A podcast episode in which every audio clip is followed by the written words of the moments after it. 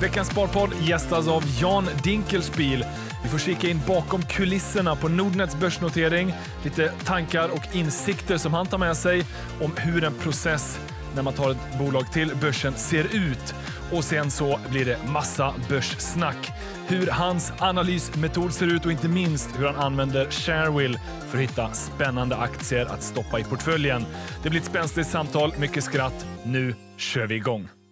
Välkommen Jan Dinkelspiel, eh, en av the original founders, Sparpodden. Tackar, tackar. Kul att vara här. Ja, men det är kul att ha dig här eh, och jag tänker att vi ska prata en hel del eh, aktier och börs och sparande och allt sånt. Hur är läget annars då efter julledighet, ett nytt börsår? Det är bra, tack. Ehm, skönt att vara tillbaka, tycker jag.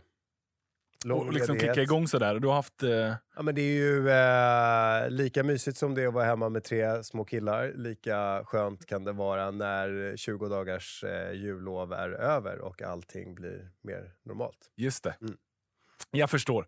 Eh, även om jag inte har barn själv, men jag kan tänka mig att eh, det blir intensivt. Och det har ju varit, de, de får ändå gå i skolan nu eller? Man får de får gå i skolan, så att våra barn är tre, sex och, tre killar, tre, sex och nio. Eh, och eh, än så länge så har vi väl haft kanske två dagar där lågstadiet stängde, men i övrigt så har det varit tillgängligt hela tiden. Ah, okay. Skönt. Så att eh, de är inne. Men du, vad gör du? För du är aktiv i Nordnets styrelse och sådär. Men, men vad gör du utöver det? Det var ju en fråga jag vet många hade som lyssnade på Sparpodden eh, back in the days. Mm. Eh, vad, vad, driver du till vardags? Men till vardags så driver jag min firma. Mitt, jag kallar det fortfarande startup, även om man kan göra det när man har hållit på i två och ett halvt år. Men eh, jag arbetskraftsinvandrar eh, ingenjörer. Ah. Så eh, programmerare, helt enkelt. 10x recruit. Exakt så. Så, att, så att, eh, idén är egentligen enkel, att om du kommer från utlandet så är det en större risk att flytta hit, eh, flytta hit till Sverige. Så att då ska vi säkerställa via data att de är väldigt, väldigt kompetenta. Så vi kodtestar, logiktestar, kunskapstestar och så scrapar vi massa social data som de har på LinkedIn och GitHub och Stack Overflow och så vidare. Och ambitionen är ju att, att förändra sättet man rekryterar på, så att, att mm. göra rekrytering mer skalbart. För det har inte hänt så mycket där. Nej. Så för de eh, som eh, söker jobb är det ett bra sätt att komma till Sverige. Det är ganska bra jobb och för arbetsgivarna får de kvalitetssäkra. Ja, liksom, vi saknar 50 000 ingenjörer i Sverige ja. och så finns det en värld där ute av superstjärnor som vill till Europa, kanske mer ärligt att säga än att de verkligen drömmer om att komma till Sverige. eh, men jag säljer in drömmar om att flytta till Sverige. Och, eh, och sen så säger jag att de, jag struntar i ditt CV, jag vill bara se att du är duktig på det du håller på med. Och sen så har vi en massa data som bekräftar att de verkligen är duktiga. Och nu har vi hållit på ett tag, så nu ser vi ju att eh, de kanske satt på någon eh, mindre etablerad firma i, ehm, eh, säg, i Astana i Kazakstan Eh, men sen så eh, kvalificerade de in och blev en kandidat genom ett kodtest och sen så har vi liksom logiktest som visar att de är väsentligt mycket smartare än många av dem du och jag känner. Ja. eh, och så massa kunskapstest och, så, och sådär. Och så ser vi då nu två, tre år senare att om inte jag fixar jobb till dem här i Sverige, då hamnar de eh, på Google i London istället. Så att, liksom, bara, jag tror 10% av våra tusen kandidater har hamnat hos Google, Facebook, Amazon och Booking. Så då ser vi att vi hittar diamanter innan deras CV riktigt bekräftar att de är superstjärnor. Det låter ju som väldigt upplyftande arbete att få bedriva. Det måste vara ganska Det är det, och startup är ju liksom, det är ups and downs, men, men varenda gång du här, förändrar livet låter som att det är offer där borta som jag hjälper, och så är det ju inte riktigt. För att jag, återigen, jag har märkt att de hamnar ju på Google annars. Ja. Så jag hjälper mer Sverige än vad jag hjälper de här kandidaterna. Men, men likväl, så när Abushan som ett exempel från Kazakstan får jobb och får flytta till Sverige med sin flickvän eh, och nu har varit här i två år, då är det ju liksom en, det är, en, det är, en, det är ett mänskligt öde som gör att det är väldigt kul att, att eh, jobba wow. med det. Ja. ja. det är häftigt. Ja. Och sen tas det väl en del tid, eh, Nordnet-engagemanget också. Framförallt tänker jag förra året, eh, det var börsnotering av Nordnet. Exakt så. Och... Den skulle jag ju vilja höra lite mer. Så här, hur, hur, gick resonemanget? Uh... När liksom insåg ni att nu ska vi börsnotera det här? Uh, det är väl, och du får klippa om jag säger saker som jag inte får säga. Ja. Men, men, men om vi utgår ifrån att det jag säger är i linje med vad jag får säga, ja. eh, så var det väl någon gång eh, efter sommaren, eh, ja, som, eller under sommaren, eh, som jag började sitta i telefonkonferenser. Ja. Eh, för jag, precis som du var inne på så sitter jag då i styrelsen tillsammans med kusin Tom som är styrelseordförande. Och där påbörjades planerna och man upphandlar banker eh, och träffar då jättemånga banker för att se vilka vi tycker har bäst positionering mot att hjälpa oss till en notering. Ja, för det är inte bara att ringa Nasdaq och säga att ah, vi kommer in på listan här nu om en vecka. Utan... Inte riktigt så. Vad- Inte hur riktigt hur liksom utvecklades processen? Hur... Eh, men sen så, då, så, så träffade vi, säg att vi valde ju en, ett jättekonsortium med sju banker och innan dess så träffade vi säkert ytterligare en, en eh, 14 stycken. Säger vi. Så att säga att vi träffade 20 banker som, som skulle pitcha på varför just de skulle eh, ha mandatet. Och sen så, då, så är det massa människor som ringer in på de här eh, telefonkonferenserna och sen så formerar man då, och så, så väljer man ut vilka man tycker ska vara lead och vilka man tycker ska hjälpa till. Så då har du ju liksom ett, eh, tre stycken banker som är eh, Joint Global Coordinators. Låter väldigt häftigt. Eh, JGCR har jag lärt mig att man säger. Och sen så har du ju ett gäng bookrunners och då handlar det ju mer om att hjälpa till. Att när väl allt jobb är genomfört, att gå ut till kunderna och, och, och hjälpa eh, och, och för att fylla boken.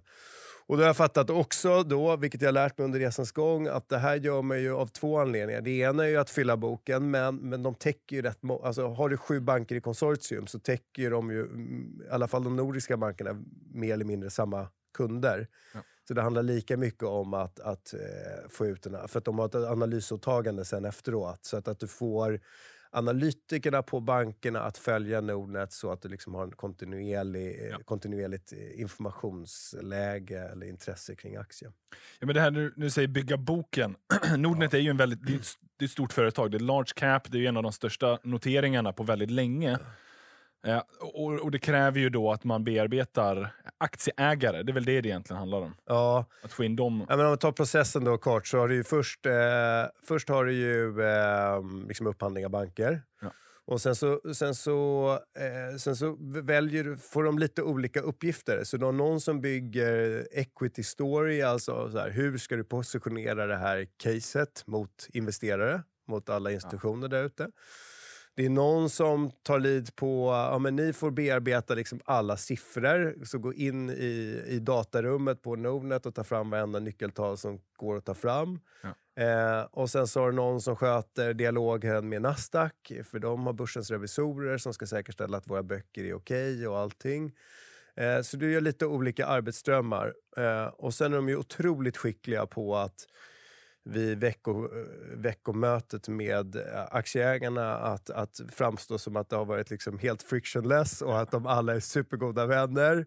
Eh, och, och har liksom en, så, så träffas man i en timme eller två och går igenom vad som har hänt under den gångna veckan. Men då, så att liksom bygga storyn och sen när du har byggt storyn så är det ju jättelång tid. Jag, jag tror att eh, då Lars-Åke, vd, Rasmus, produktchef och Lennart, CFO, har varit säkert eh, i liksom 200, under hösten i 200-250 olika investerarmöten. Oh. Mm. Digitalt då, förvisso kanske. Ja, men väldigt mycket, men suttit väldigt mycket uppe på Carnegie i det här fallet och träffat både svenska och nordiska och andra internationella institutioner. Så att, eh, det är ju en extrem bearbetning av investerare Ja. innan det blir publikt i marknaden. Och då har det, finns det massa häftiga akronymer för vad, vad, vad, vad det här är för någonting. Och då är det ju ja, pilot fishing och pre-deal investor education och alltså allt. Men massa det här processen, vad det heter. Ja, men olika de? namn, har liksom olika namn eh, för hur du, hur du eh, approcherar de här eh, olika investerarna. Ja. Eh, men i mer eller mindre kan man säga att det handlar om att förklara för institutionerna varför Nordnet är en bra investering. Och sen så kommer man då närmare och närmare, närmare och så blir det publikt. Så vad jag inte har fattat som aktieägare tidigare, det är att du och jag läser i Dagens Industri att det här bolaget funderar på att gå till börsen. Och sen så, så här en vecka senare så är boken full. Ja. Med på 10 miljarder. Man bara, hur gick det där till? Det, det blev publikt igår Ja. och nu är boken full. Eh, men vad man då inte har förstått är att det är väldigt många redan på stan som innan det står idé, nu står det ju liksom idé i massa rykten i förväg i alla fall. Men det, innan det bekräftas av, av oss eh, så, är det ju, eh, så har de ju gjort väldigt många investerarmöten. Ja. Eh, så sen är det att trycka på knappen. Sen vet man inte. Eh, sen vet man ju inte var kommer efter, hur, mycket kommer, hur stor kommer efterfrågan att vara. Nej. Och det där är jättespännande också. Eh, Jo, men man vet ju, de är väl åtagare och sådär eh, till viss mån. Ja, men jag, tänker, det här är kul för jag tror Ja. att det är kul för lyssnarna att förstå. För jag som ty- tycker liksom aktier är kul, det, då har du ju egentligen att, att du, du går ju ut med någon typ av intervall. Ja. Så du frågar ju... Prisintervallet nu då. Nej, men du frågar när du träffar de här. Först träffar du alla de här 250 olika fondbolagen som, Mm. som kan tänkas investera i Nordnet. Och sen går du ut till dem och så frågar du, eh, okej, hur tycker du, liksom, hur, vad tycker ni? Hur ska Nordnet värderas? Ja, men då har du ju en som är att du värderas till mot din pr i Norden, mot Avanza. Titta, de värderas liksom eh, 30 gånger, 35 gånger vinsten 2021. Eh, och vi tycker att ni ska värderas lika, likadant. Och då tycker vi att ni ska värderas till det här. Och sen har du ju de internationella bankerna som säger Avanza i all ära, men titta på eh, Hargreaves Lansdowne i London eller Schwab i USA. Eller liksom, titta på ett kollektiv av peers. Sen finns det någonting... Ja, hur som helst så får man in massa indikationer från kunderna eh, på vilken värdering tycker ni att, vi att Nordnet ska ligga. Och utifrån det så sätter ju då investmentbank, investmentbankerna tillsammans med aktieägarna ett intervall på... Ah, Okej, så det är en liten eh, tvåvägsprocess Det är en där. liten iterativ process till inte att så du... att ni, man bara satte, så att bankerna bara satte, ah, men här tycker vi är rimligt. Nej, och det där är ju liksom, först har investmentbankerna när de pitchar kommit in på så här tycker vi att ni ska värderas. Sen går man ut och träffar 250 kunder och så kommer de med sin feedback. Utifrån det så har man ett esti- eh, reviderat estimat, så här tycker vi att ni ska värderas. Det här intervallet tycker vi att vi ska gå ut med.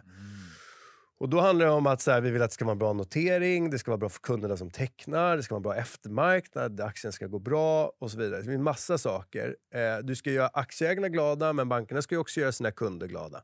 Sätter du intervallet, sen när du väl har intervallet, då går du ut till alla igen som har gett sina soft commitments. Ja.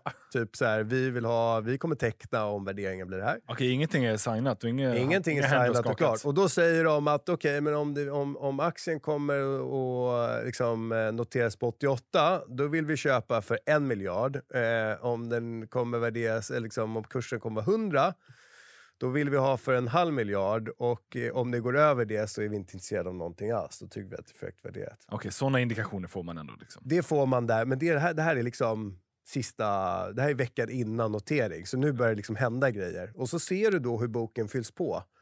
Eh, med att, okej, på, liksom, på, på kurs 88 så är vi övertecknade 10 gånger. Ja. Men på 110 så är vi övertecknade en och en halv gång.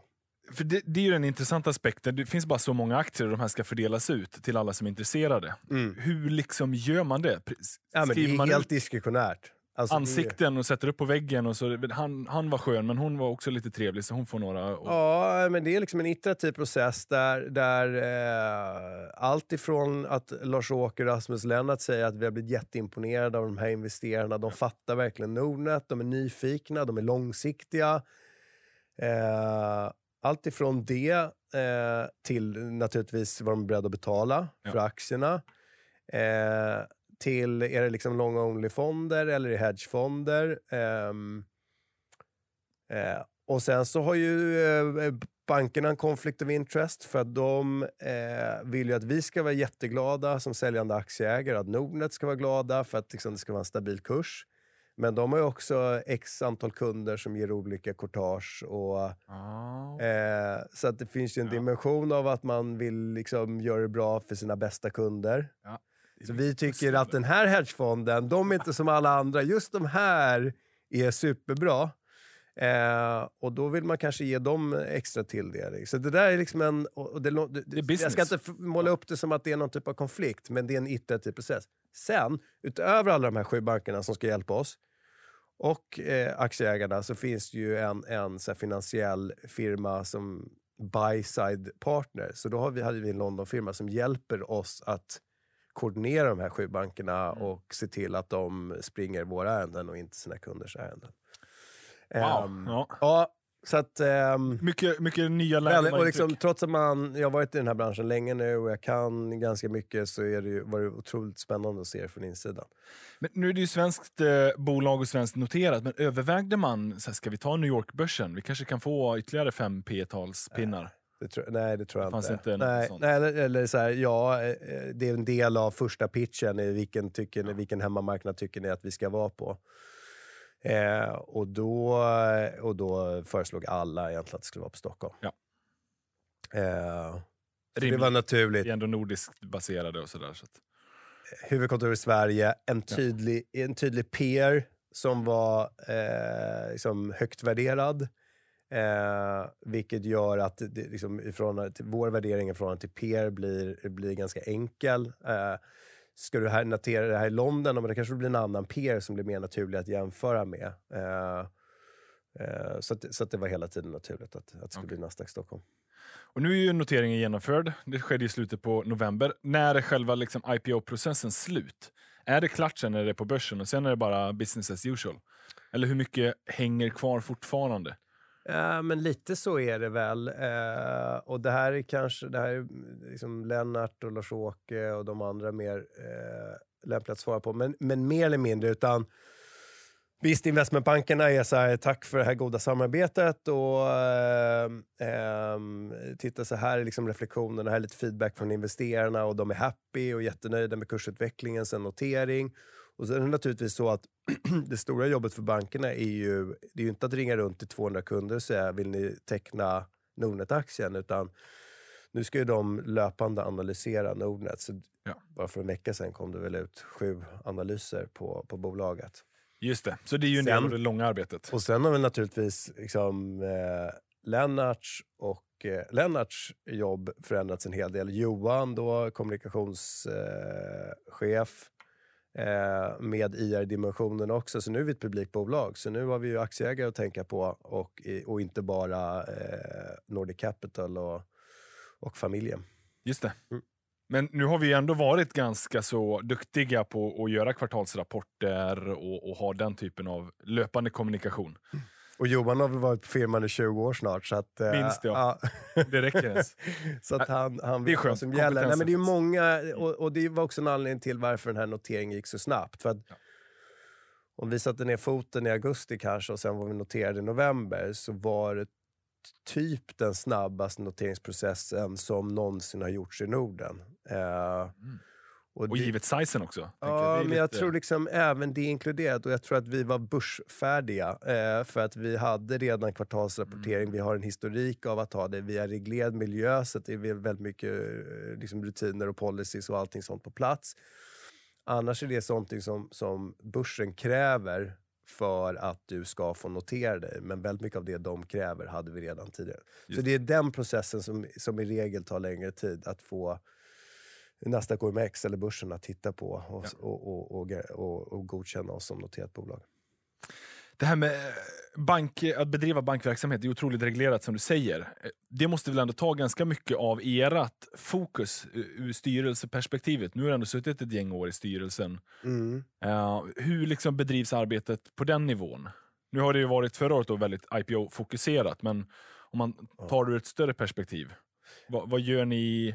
Ja, men alltså hela, alla, alla eh, präglas ju av, eh, från dig till, till, styrelse, till styrelseordförande. Det, det, det var så här, från dig Ja. till styrelseordförande. Eh, nej, Längst men, ner ifrån nej, men du är ju reglerad. Du är reglerad. Du kan inte sitta här och säga till lyssnarna att eh, jag tycker att ni ska köpa den här aktien. Eh, då bryter du mot eh, regelverket. Vi får inte hålla på och ge aktierekommendationer. Nej. Nej. Eh, så att alla är ju reglerade och det gäller ju allt ifrån liksom, kundservice och vad de får säga till, till backoffice, vad de får göra, till, till eh, marknad, hur de får kommunicera. Så naturligtvis har, har väldigt mycket av både styrelsearbetet och även den tiden som jag jobbade operativt i firman innan präglats av att anpassa oss till gällande regelverk. Just det. Och det var ju liksom en av anledningarna till att jag eh, också för, ja, nu är det väl fem år sedan någonting, men tyckte att så här, bankfinans var inte riktigt lika kul längre. Därför att jag vet ju hur mycket 500 personer här inne Mm. brinner för att göra Nordnet till ett bättre företag för kunderna. Och när du då ser att du måste, liksom att hela din utvecklingspipa går åt till att eh, anpassa dig till Mifid 2 eller FATCA eller Dodd-Frank eller, eh, eller eh, GDPR. PS2, PSD. Vi behöver inte dra alla Nej. men det Nej, finns många. Eh, och, det är inte så, och väldigt många av de sakerna du gör för att vara compliant är ju jättebra för dig som bank och för kunderna också. Det ska jag ärligt säga. Det, liksom, det, blir, det, blir, det blir väldigt städat i, i verksamheten och det är ju bra. Ja, men det finns frustrationer. Eh, men det är klart att det är också frustrerande att inte bara springa på att göra saker som är kul för kunderna. Yep.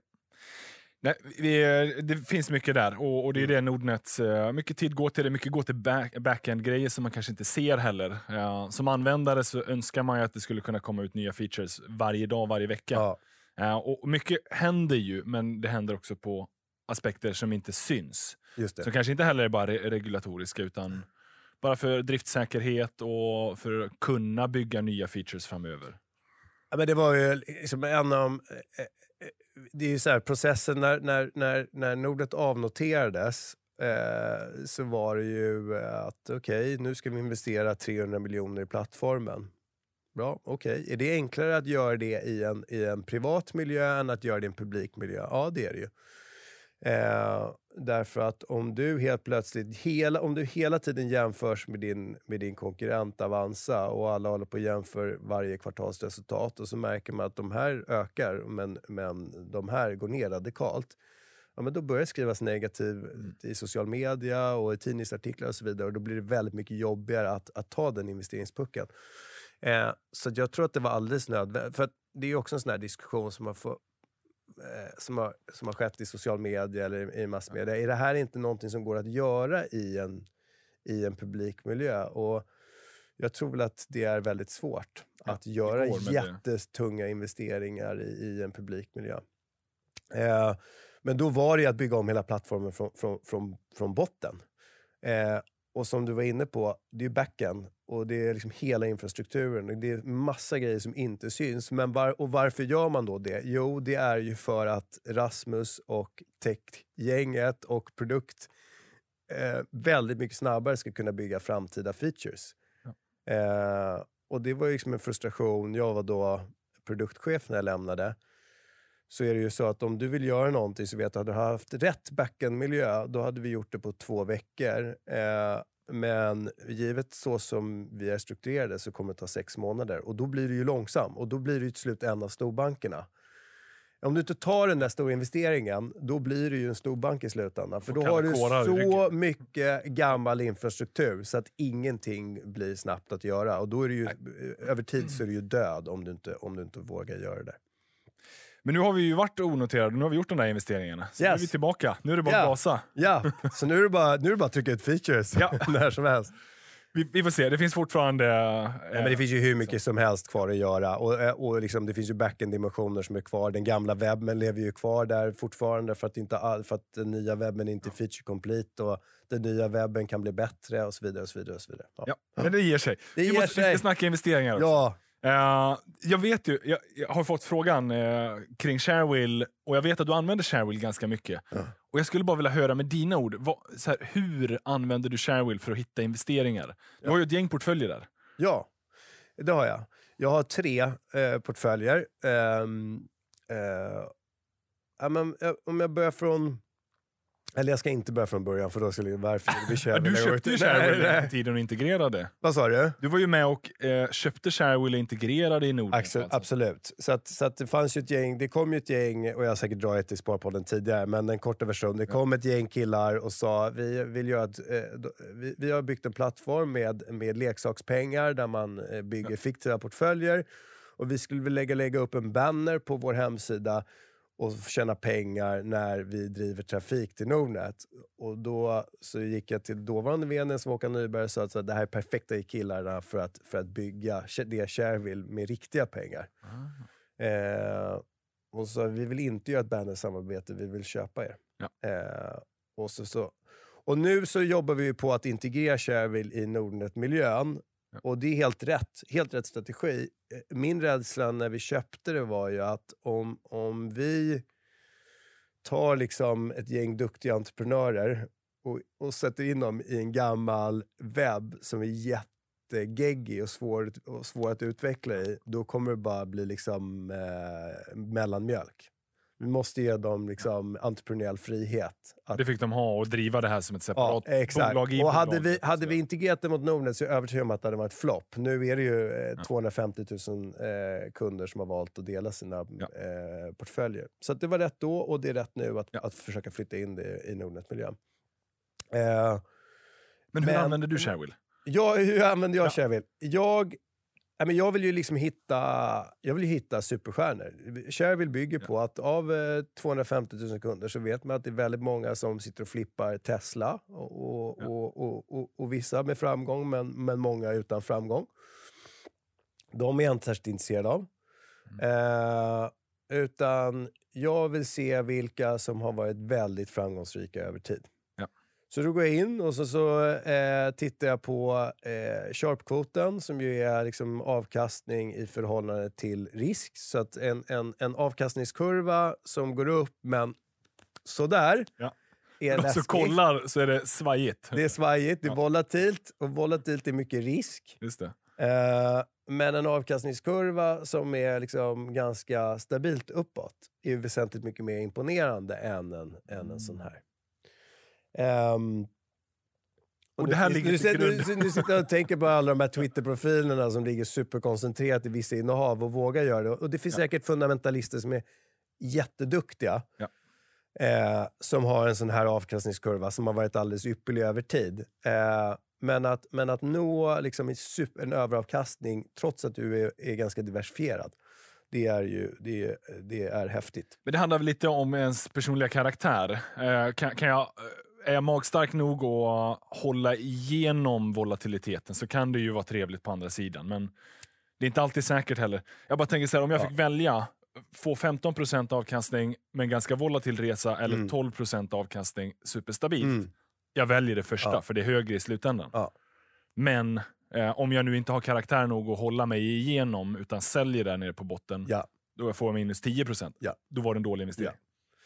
Sen, det- sen det det, och du ska ha väldigt mycket is i magen också. Och, det, och då är det, det finns säkert en hel del som har det. Men, men säg att du har liksom en portfölj av Evolution Gaming och eh, Tesla och något grönt bolag. Ja. Eh, nu, nu, nu, är vind, nu är till och med vindkraftsparker liksom Ja. värderade P150.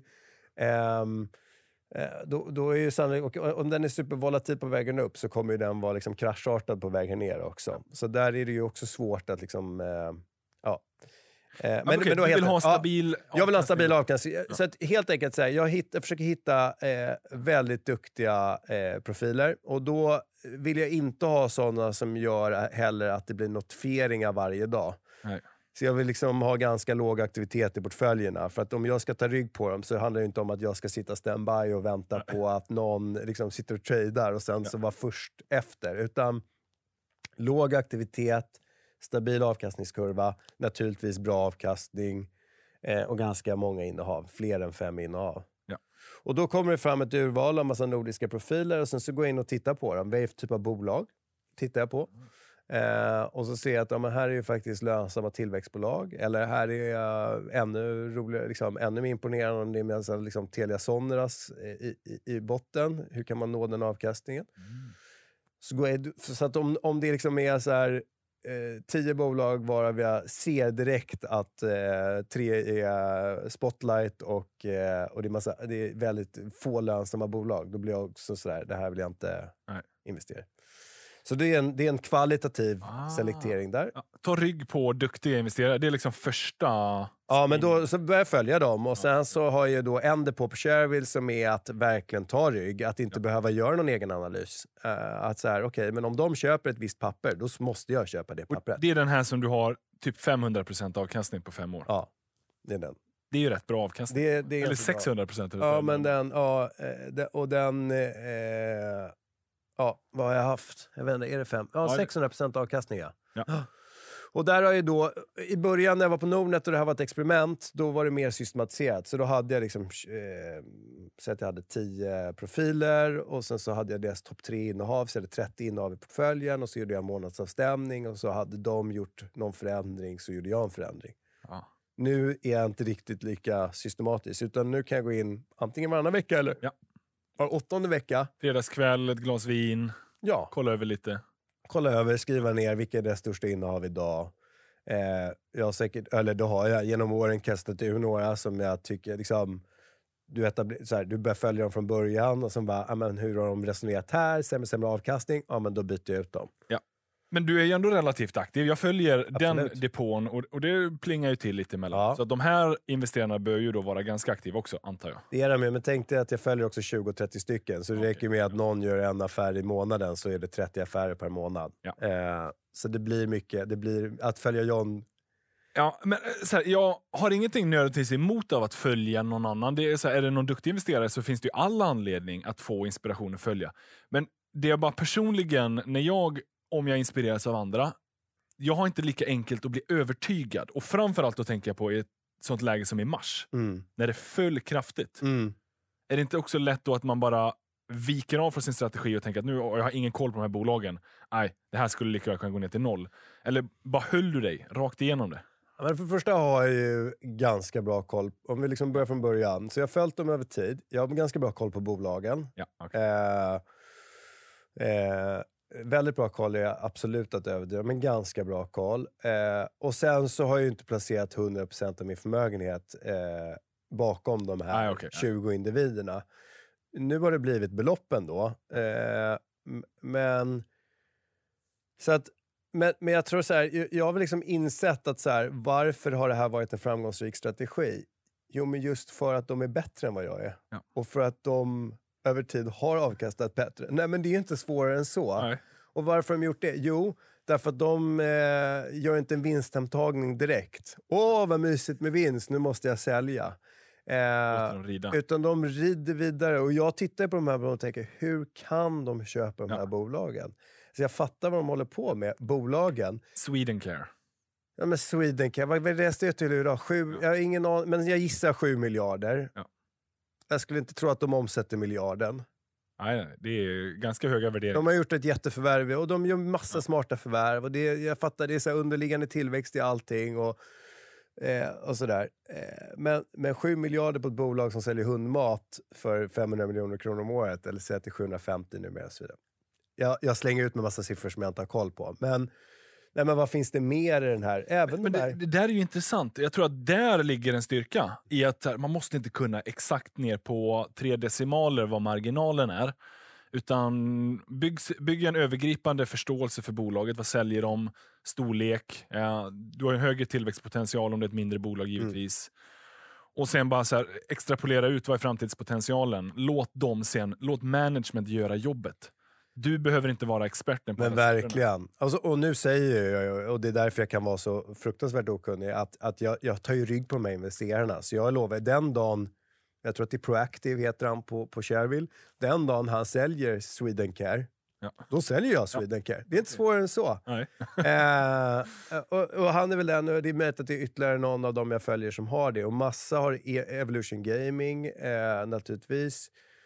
Eh, det försöker också att titta på den här selektionsprocessen. Okej, är det ett innehav som har, som har stått för hela värdetillväxten eller är det att det är många innehav? För vissa kan ju liksom vara diversifierade med något Tesla och då ser det ju ändå jättebra ut.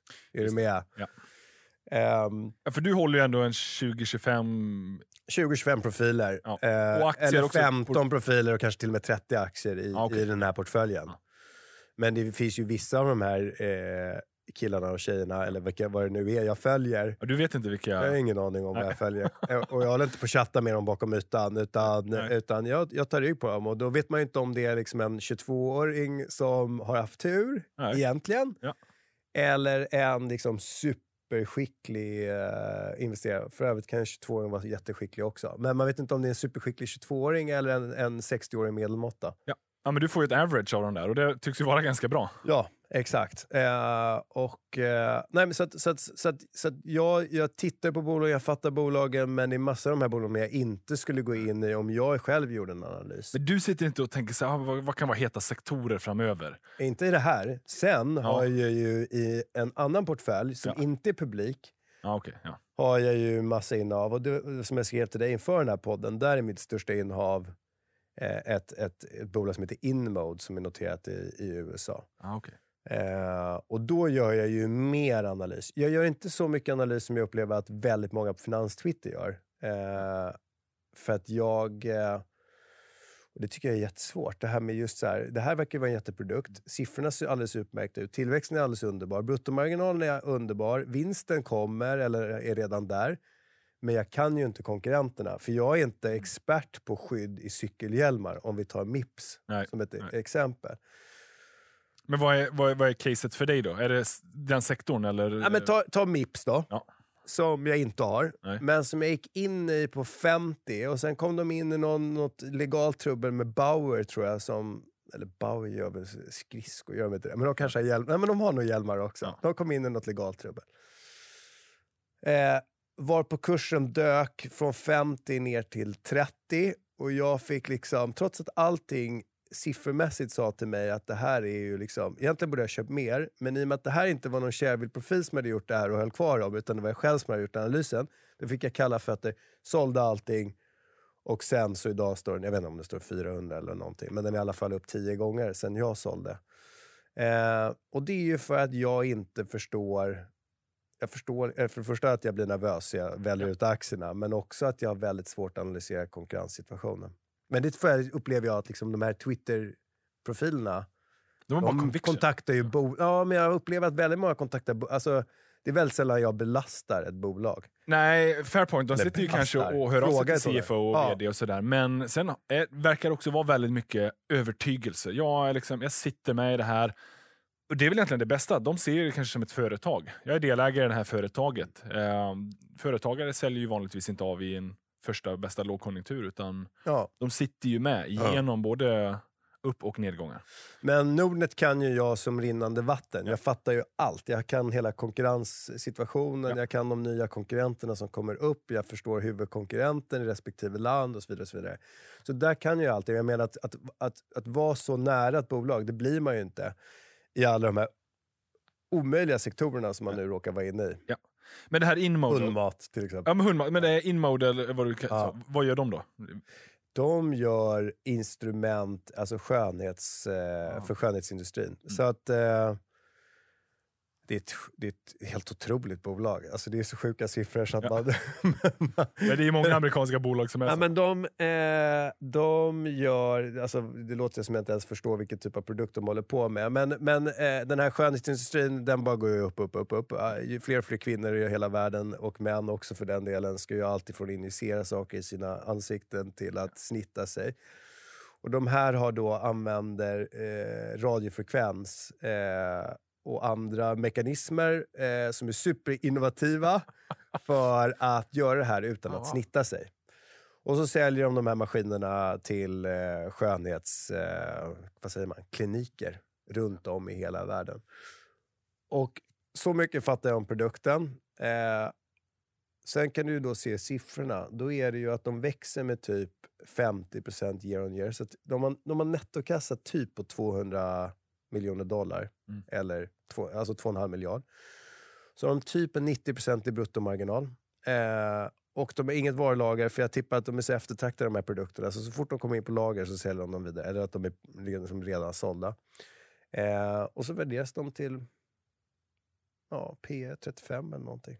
Oj. Växer med 50. Ja, men med tanke på hur världen liksom värderar hundmat eh, Ja, verkligen. för tillfället så tycker jag fortfarande... Och när jag här- nu började, pratar vi microcap. Det här måste vara ganska litet. Äh, vad är de värderade till? De är värderade till 2,5 miljard dollar, va? alltså 25 miljarder nu. Ah, sånt Ja. Men, men eh, ja, mitt minne är ju alltid... Nej, det är de inte. Utan de är nog värderade till 1,8 miljarder dollar, tror jag.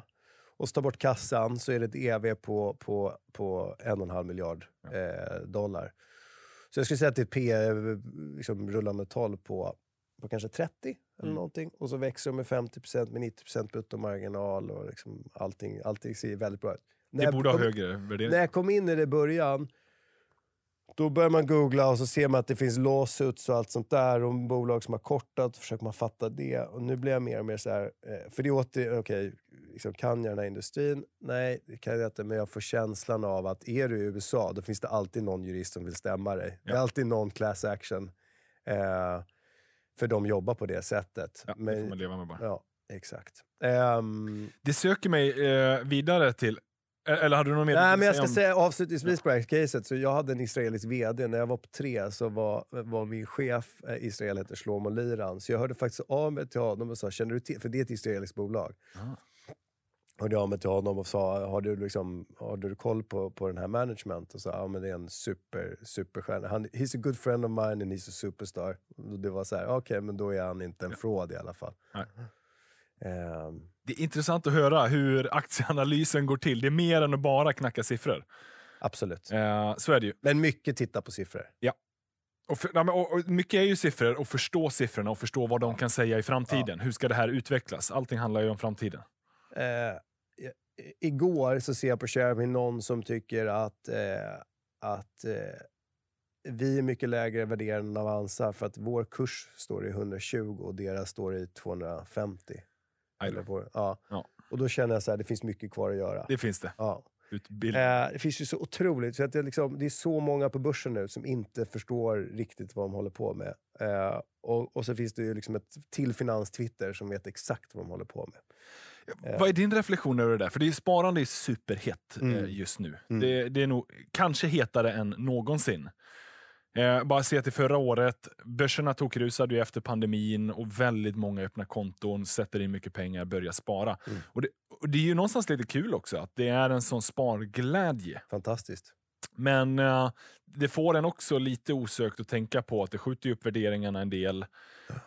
Det är inte säkert att alla kommer att vara så långsiktiga som de utger sig för att vara. Om det nu dyker upp mer oroliga tider, mer stagnerande tider, så kan ju det tära på tålamodet för en del. Såklart. Ja, men, eh, Så det finns mycket kvar att göra, och utbilda och Ja. försöka långsiktigt förklara att börsen har en risk. Om det är massa kunder som förlorar pengar vid nästa krasch så är det helt enkelt ditt fel. Det är mitt fel, då, då skulle jag ha gjort ett bättre jobb.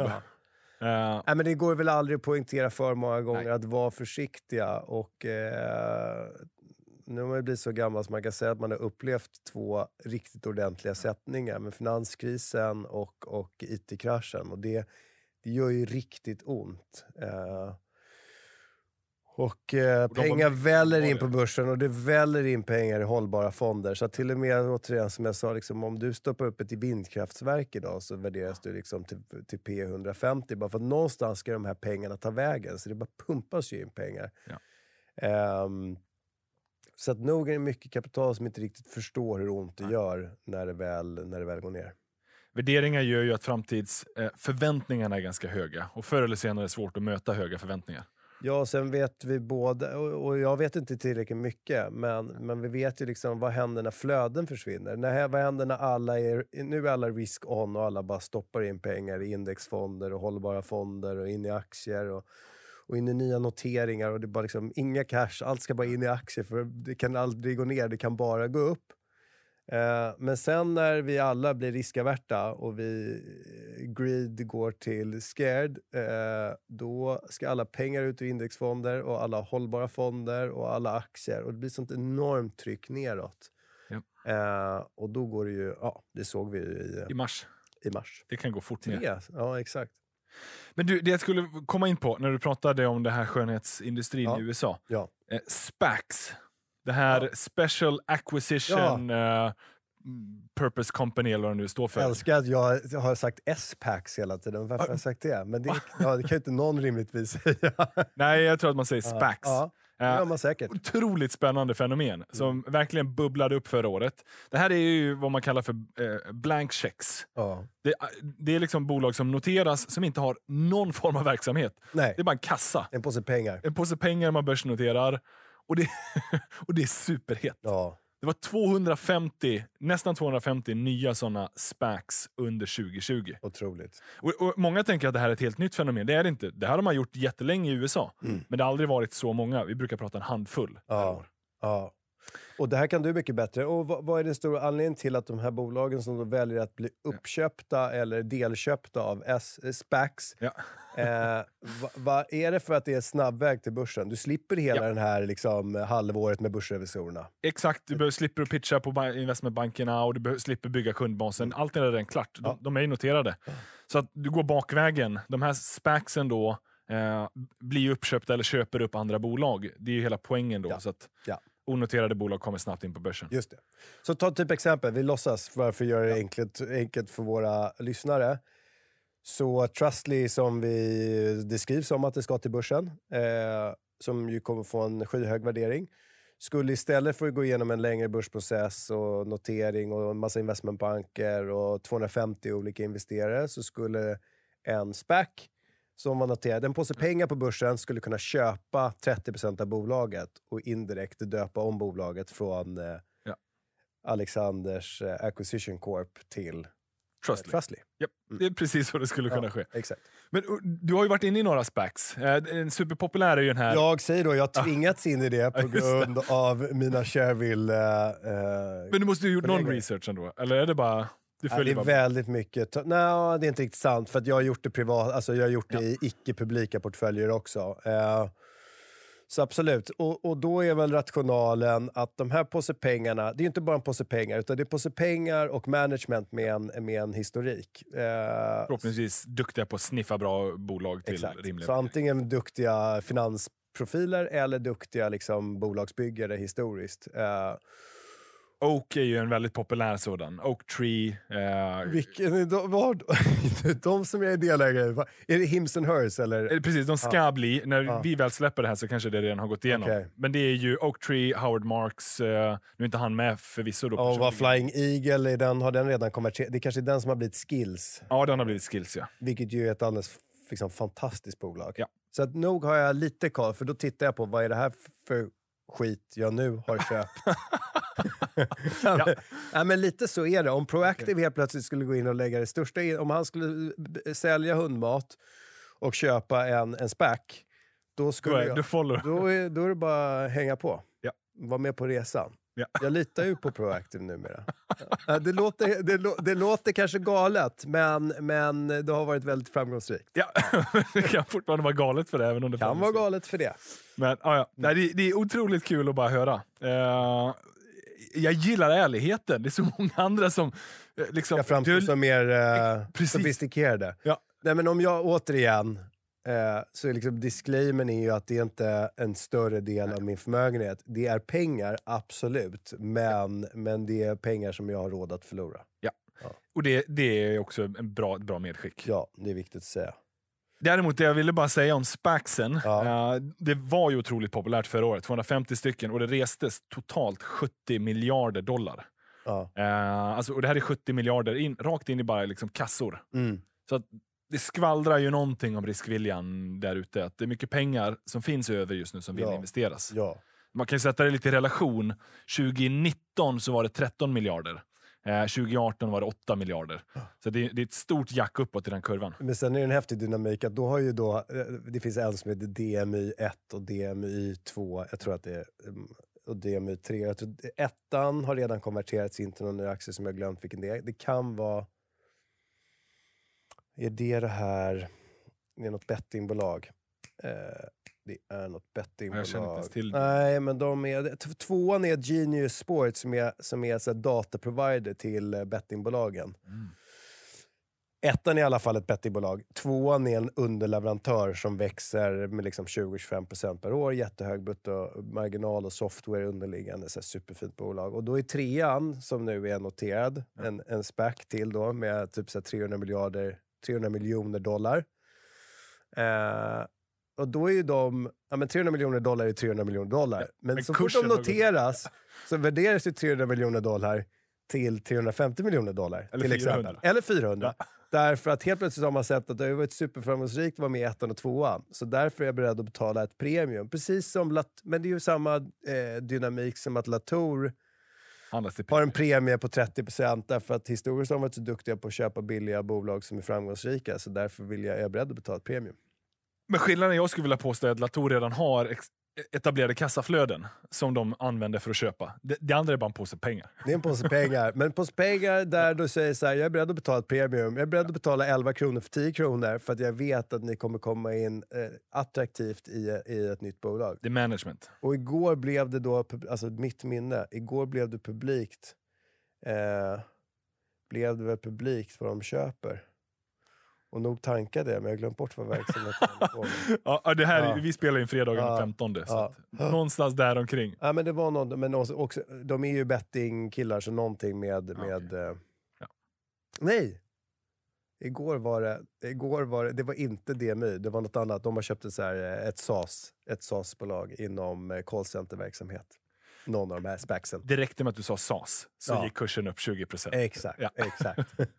Det är väldigt spännande tider. Eh, Jan, eh, tiden springer iväg, men jag, vi har fått massa frågor. Ja. Du ändå hörde av dig via Twitter, jag skulle ha med dig. Det var många som saknar Günther. Ja, Ja, mig inklusive. Men sist jag hade med er båda, det var omöjligt att få en syl i vädret. Så jag, jag får liksom dela upp er. och han får vi- få ett eget avsnitt där han bara sitter och talar till folket. Ja, och så kan jag gå och Du, ta alltså, kaffe. jag menar du och jag, Ja. eller du behöver inte vara med. Det, det är Ja. nästan på den nivån. Ja. Men jag vet inte om jag vågar släppa in honom helt fritt. Vi får se. Vi får se det blir av det. Eh, men det är jättekul. Det, ni startade ju Sparpodden för över 2013, så det är ett bra gäng år sedan nu. Ja, well done att lyckas upprätthålla det. Ja, vi har, vi har kört varje onsdag. Mm. Sen ni började köra varje onsdag. Otroligt. Det Kul. spelar ingen roll om det är julafton eller midsommar. Vi ska ut en podd. Sparpodden ska ut. Eh, men vi har fått några frågor. Och Så, börsen är ju fantastisk på det sättet, för Ja. det händer alltid någonting. Väldigt många, andra podd, ja. väldigt många andra poddar är så här, ja, men nu har vi hört det här, men här är det ju alltid något nytt som har hänt i veckan. vi har fått från Göte, en trogen lyssnare och har varit med länge och lyssnat. Eh, Brunasso, eller hur? Brunasso, ja. Mm. Eh, ekonomiläraren. Dina två bästa case för 2021. Oj, oj, oj. eh, nu har är alltså... bästa? Ja, men InMode, jag måste ju säga de största innehaven. InMode har ju gått jättestarkt. Ja. Eh, eh, alltså finns det några bolag som inte är på all time high. Men eh, titta på det. Eh, och sen så har jag börjat intressera mig för, och en jättedisclaimer för att, för att jag kan för lite, men jag tycker att eh, eh, XMR, eller XM Reality tror jag man säger. Ja. Eh, har jag köpt jädra den. smäll igår. Vad sa du? De tog en ganska stor smäll igår. Nej, gjorde de det? Ja, det gjorde de. Vadå, ner en 5-10 procent? Ja. Ja, lite mer ett tag, men... ja, men. Penser eh, Ja, det var kom med någon rek dagen innan, så då var den upp 15 procent eller någonting. Okej. Så den, har gått, den är på all time high som alla andra bolag också. Ja. Eh, ja, men jag får liksom käns- ja, det, är bara, det är bara en känsla jag har av att de ehm, siffrorna, de, de, de har liksom gått upp lite omsättningsmässigt de senaste åren och jag, nu tror jag att det kommer bli, och så, så har de ökat med kanske 50 procent de senaste kvartalen. Ny vd, ny aktieägare i Spiltan sen ett halvår tillbaka. Eh, och tror jag att det är ett halvår tillbaka, men de är huvudägare och sitter på ordförandeposten. Eh, fått en ganska kommersiellt inriktad vd. Och sen så tror jag, och sen så, de gör så här remote guidance-verktyg så att du ser ett, ett avtal de har tecknat på sistone, det är med Saab. Och då eh, så är det helt enkelt att deras servicetekniker som kanske sitter i Linköping hjälper alla som jobbar med flygplanen runt om i världen. Så då kan du liksom via eh, eh, tekniken gå in med dina händer och filma och då kommer du in i bilden som operatören har på plats och så kan du hjälpa tekniker på plats. Så säg att du kan hjälpa värmepumpa på remote, allt ifrån det till att så att du behöver inte komma, du är så fälttekniker och behöver inte komma ut därför att du har expertis som sitter och servar många olika stationer samtidigt. Det känns superhett. Så här, I pandemi eh, känns ju det hetare än någonsin, men också rent generellt att när tekniken tillhåller så att jag tycker allting, ta, så här, spännande produkt, siffrorna indikerar att det är på väg åt rätt håll. Ja. Återigen, har jag en enda aning om konkurrensläget där ute? Nej. Så att då får jag lita på siffrorna. Att okej, om de vinner affärer och annonserar mycket affärer, men då har de uppenbarligen en produkt som kunderna efterfrågar och tycker om. Det var ju den här filmen som blev ganska viral. Det var någon doktor i New York som opererade en banan var det ju liksom Ja. sydd ihop i Ja. London. Ja. Något sånt där. Ja. Känns som lite liknande. Ja, det, det är liknande. en ganska spännande teknik. Framförallt nu när man har fått sitta inlåst eh, många runt om i världen. Verkligen så. Sen så ett bolag jag bara träffade i veckan, det här är inte, alltså ingenting av det jag säger är på något sätt rekommendation. Jag Nej. bara säger vad jag har köpt på Ja, slutet. ja. Men det var kul tycker jag, därför att eh, helt plötsligt så, eh, och då är jag inne på börsdata. Fantastisk tjänst. Ja, en, jätte, en, en jättefin tjänst. Eh, byggt av en jättefin entreprenör som liksom har knackat och knackat och knackat och knackat och knackat. Eh, så att, eh, då var jag inne där och så, så brukar jag ofta titta på liksom, eh, tillväxtbolag med hög bruttomarginal. De behöver inte vara lönsamma, men då fattar jag att det kanske kommer en lönsamhet så småningom. Men så tänkte jag, bara, äh, men jag ska testa någon annan typ av screener. Eh, liksom, lite mer i förhållande till balansräkningen. Och då kom jag in på byggmästare. Efter att jag då, hade byggt olika kriterier för vad jag ville titta på så kom jag in på byggmästare Ahlström. Ja. Känner du till dem? Ja, ja. Det är, är det AM1? Eh, nej. nej, det blir det inte. Nej, nej det är Vadå? Byggmästare heter de nog. Ja. Vad, vad menar du med AM1? Nej, det är något annat fastighetsbolag som heter någonting. Jaha, Ah, så ja. här. i vilket- de har ingenting med bygg att göra. Nej. nej, då är det inte de jag tänkte. Nej. Nej, men jag tänker så här. Jag, jag har sett att några av de profiler som jag följer har varit inne och köpt. Och jag bara tänkt så här.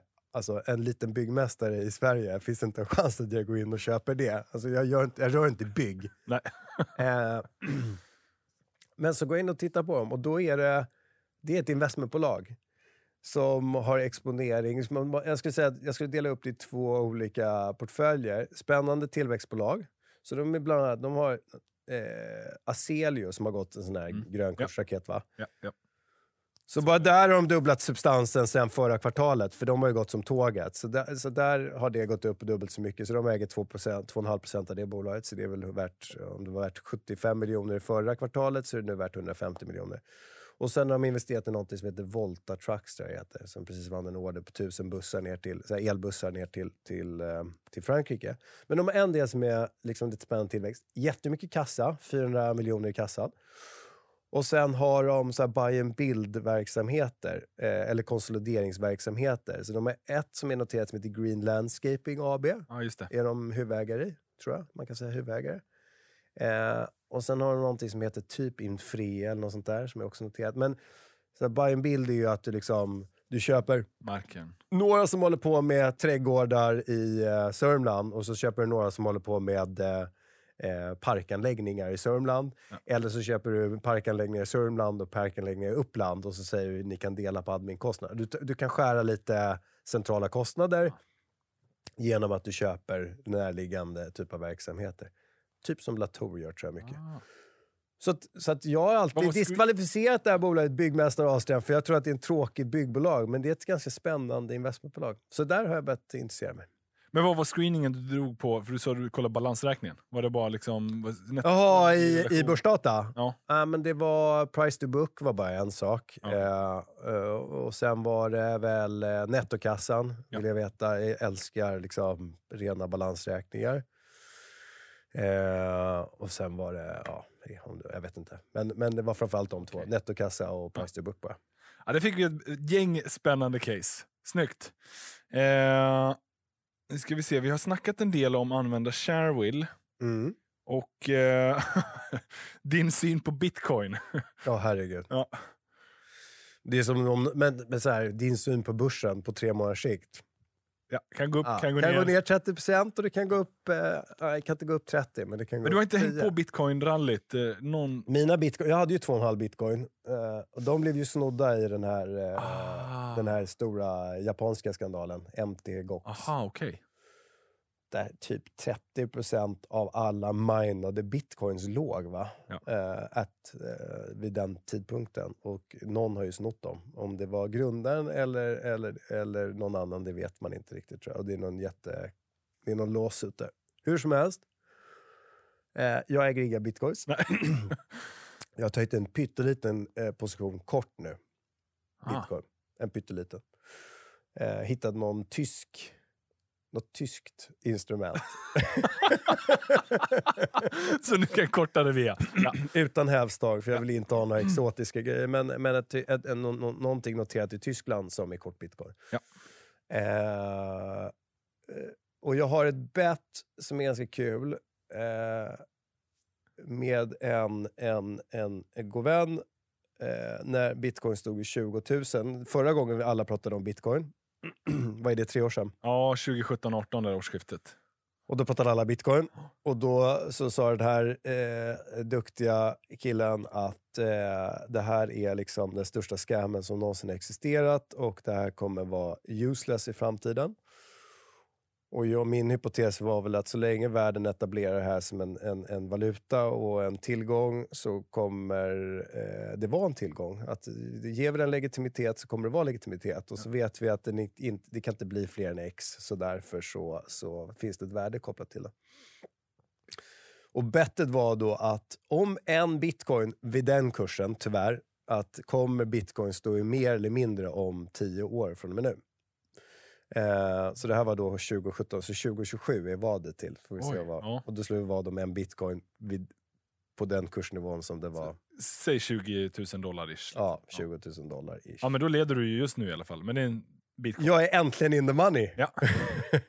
Men så att om jag tror, och jag är likadan fortfarande, jag tror att eh, jag tror att den ska krascha många gånger, men jag tror ändå att den är här för att stanna. Alltså den är Mm. här för att stanna. Det finns liksom ingen återvändo nu. Att, eh, det finns eh, massa starka krafter som har byggt legitimitet i den här valutan. Nätverkseffekten är ju... Men kommer den stå i, i 50 000 dollar eh, 2027? Eller... Men jag tror att det är rimligare att den står i två eller Dollar. 200 000 dollar. Alltså 2 000 dollar eller 200 000 dollar. Det är liksom svårt att se ett mellanscenario. Ja. Eh, men jag skulle inte... Alltså på, på, nu, är jag, nu är jag ju pyttelite kort, men jag skulle inte gå kort på, på sju års sikt. Om man bara kollar historiskt så tycks den ju ha såna där eh, spikar, paraboliska rörelser uppåt och sen så kraschar Ja, den för du kan ju dra liksom parallell med guld. Nu, säger, nu läser du så här, okej, men om guldpriset går upp, då börjar man utvinna mer guld och så hittar man mer guld och då ökar utbudet. Här är det ju, det är, hela tiden är ju tillgången begränsad. Ja. Och också miningkapaciteten är begränsad. Eh, så att, så att det, det finns ju bara, men, men bakom guld så finns det visst det finns en tillgång som är ett litet glimmande, en, en glimmande ädelmetall och det finns det inte här. Det finns bara liksom ett certifikat på att du är innehavare av valutan. Ja, och det Eh. kan ju snos då om du har det. Det kan Eller vi tappas bort göra koden och och tappas vidare. bort, men det minskar ju bara efterfrågan. Så det är väl ett skydd mot inflation och att eh, alla världens eh, centralbanker printar pengar. Vi får se. Jag har absolut ingen aning. För att summera, jag har absolut ingen aning om... Jag, jag är precis i den skolan. Mm. Jag har ingen aning heller. Jag är optimist eh, och jag, det finns mycket spännande men Men allt, tell. allt annat är så här, ja men aktier och de ska dela ut och då är du beredd att ta mer risk än att stoppa in pengarna på banken. Det, det kan man förhålla sig till. Du jagar avkastning och det, är- det är risk mot avkastning. Men här, det, är ingen, det, är ingen, det kommer inte komma någon direkt avkastning på det här. Det är jag säker på. Men kursrusningen har ju många tackat för. Men kursrusningen. Ja. Ah, Okej, avslutande frågan. Bästa spartipset? Jaha. Eh, Se om du kommer ihåg någonting som Günther drog. Är det någonting som har landat? Som du har... Spara regelbundet, månadsspara. Nej, men jag tänker så här, äter du knäckebröd? Ja, liksom ja. Späder ut Nej, du, jag är fel vatten? person att fråga. Det, var det någonting Günther gjorde som gav ett beständigt intryck på dig? Som du har liksom anammat sen och Vi, jag och inte lever lite olika liv känner jag. Eh, Är det med någonting? Eller är det helt... nej, men rent generellt sett så kan man ju säga... Alltså, och, och, och jag önskar att jag hade någon knäckebrödshistoria, men jag är inte Günther. Utan det är ju bara att liksom, eh, eh, inte, inte etablera nya vanor, skulle jag säga. Mm. Nej, men, men så här, okej, du är på finanstwitter. Så har du ju, du har- jag skulle säga att du har en dimension som gör det här. De älskar det här. Och det, du, med pengar kommer massa ekonomisk frihet och frihet är ju fantastiskt. Men, men konsumtion är ju inte fantastiskt. Så att om, om jag... Om jag så här att spara för att sen gå och köpa klockor. Ja, men då har du ju vant dig vid att du ska ha flotta klockor. Och då är du liksom helt plötsligt inte nöjd med att du fick din första Rolex. Utan det ska vara en Daytona. Och sen är det en... Är du inte nöjd med att det är en silver Daytona så då ska du, då ska du helt plötsligt ha en guld Daytona. Alltså är du med på vad och, och, eh, och så fort du liksom pimpar ditt liv hela tiden, visst om det gör dig lycklig. Nu råkar jag tillhöra den skolan som inte tror att det är det som gör dig lycklig. Så att, eh, ja, då blir det helt plötsligt seriöst. Det, det blir ingen knäckebrödshistoria. Men, och- men, men så här, okej, om du tror att det kommer ge dig lycka, testa det då. Men när du då har insett att det gör inte det, då tror jag inte, när det inte Rolexen ger dig lycka, men gå, kliv inte på en, en Daytona i silver då och sen guld och sådär. Utan eh, Ja. försök att inte etablera nya vanor. Sen kan, så här, upplevelser ger ju liksom resa och se saker och umgås med nära och kära. Fint avslut. Fantastiska sporttips. Jan, eh, superkul att ha dig här Trevligt att vara här. Hoppas det blev någon substans i det här också. Någonstans Jag- däremellan. Jag, jag klarar aldrig av att lyssna på mig själv efteråt för att jag tycker att det blir väldigt substanslöst. Nej, jag pladder. Eh, det- det var det kanske, men det, men det är charmen med det. Ja. Det var jättekul att pick your brains, eh, bolla lite börsidéer och höra lite mer om hur Nordnet-noteringen gick till. Tack för att jag fick komma. Tack till er lyssnare. Och eh, ni vet att vi hörs och ses igen nästa vecka. Ciao! Ha det gott!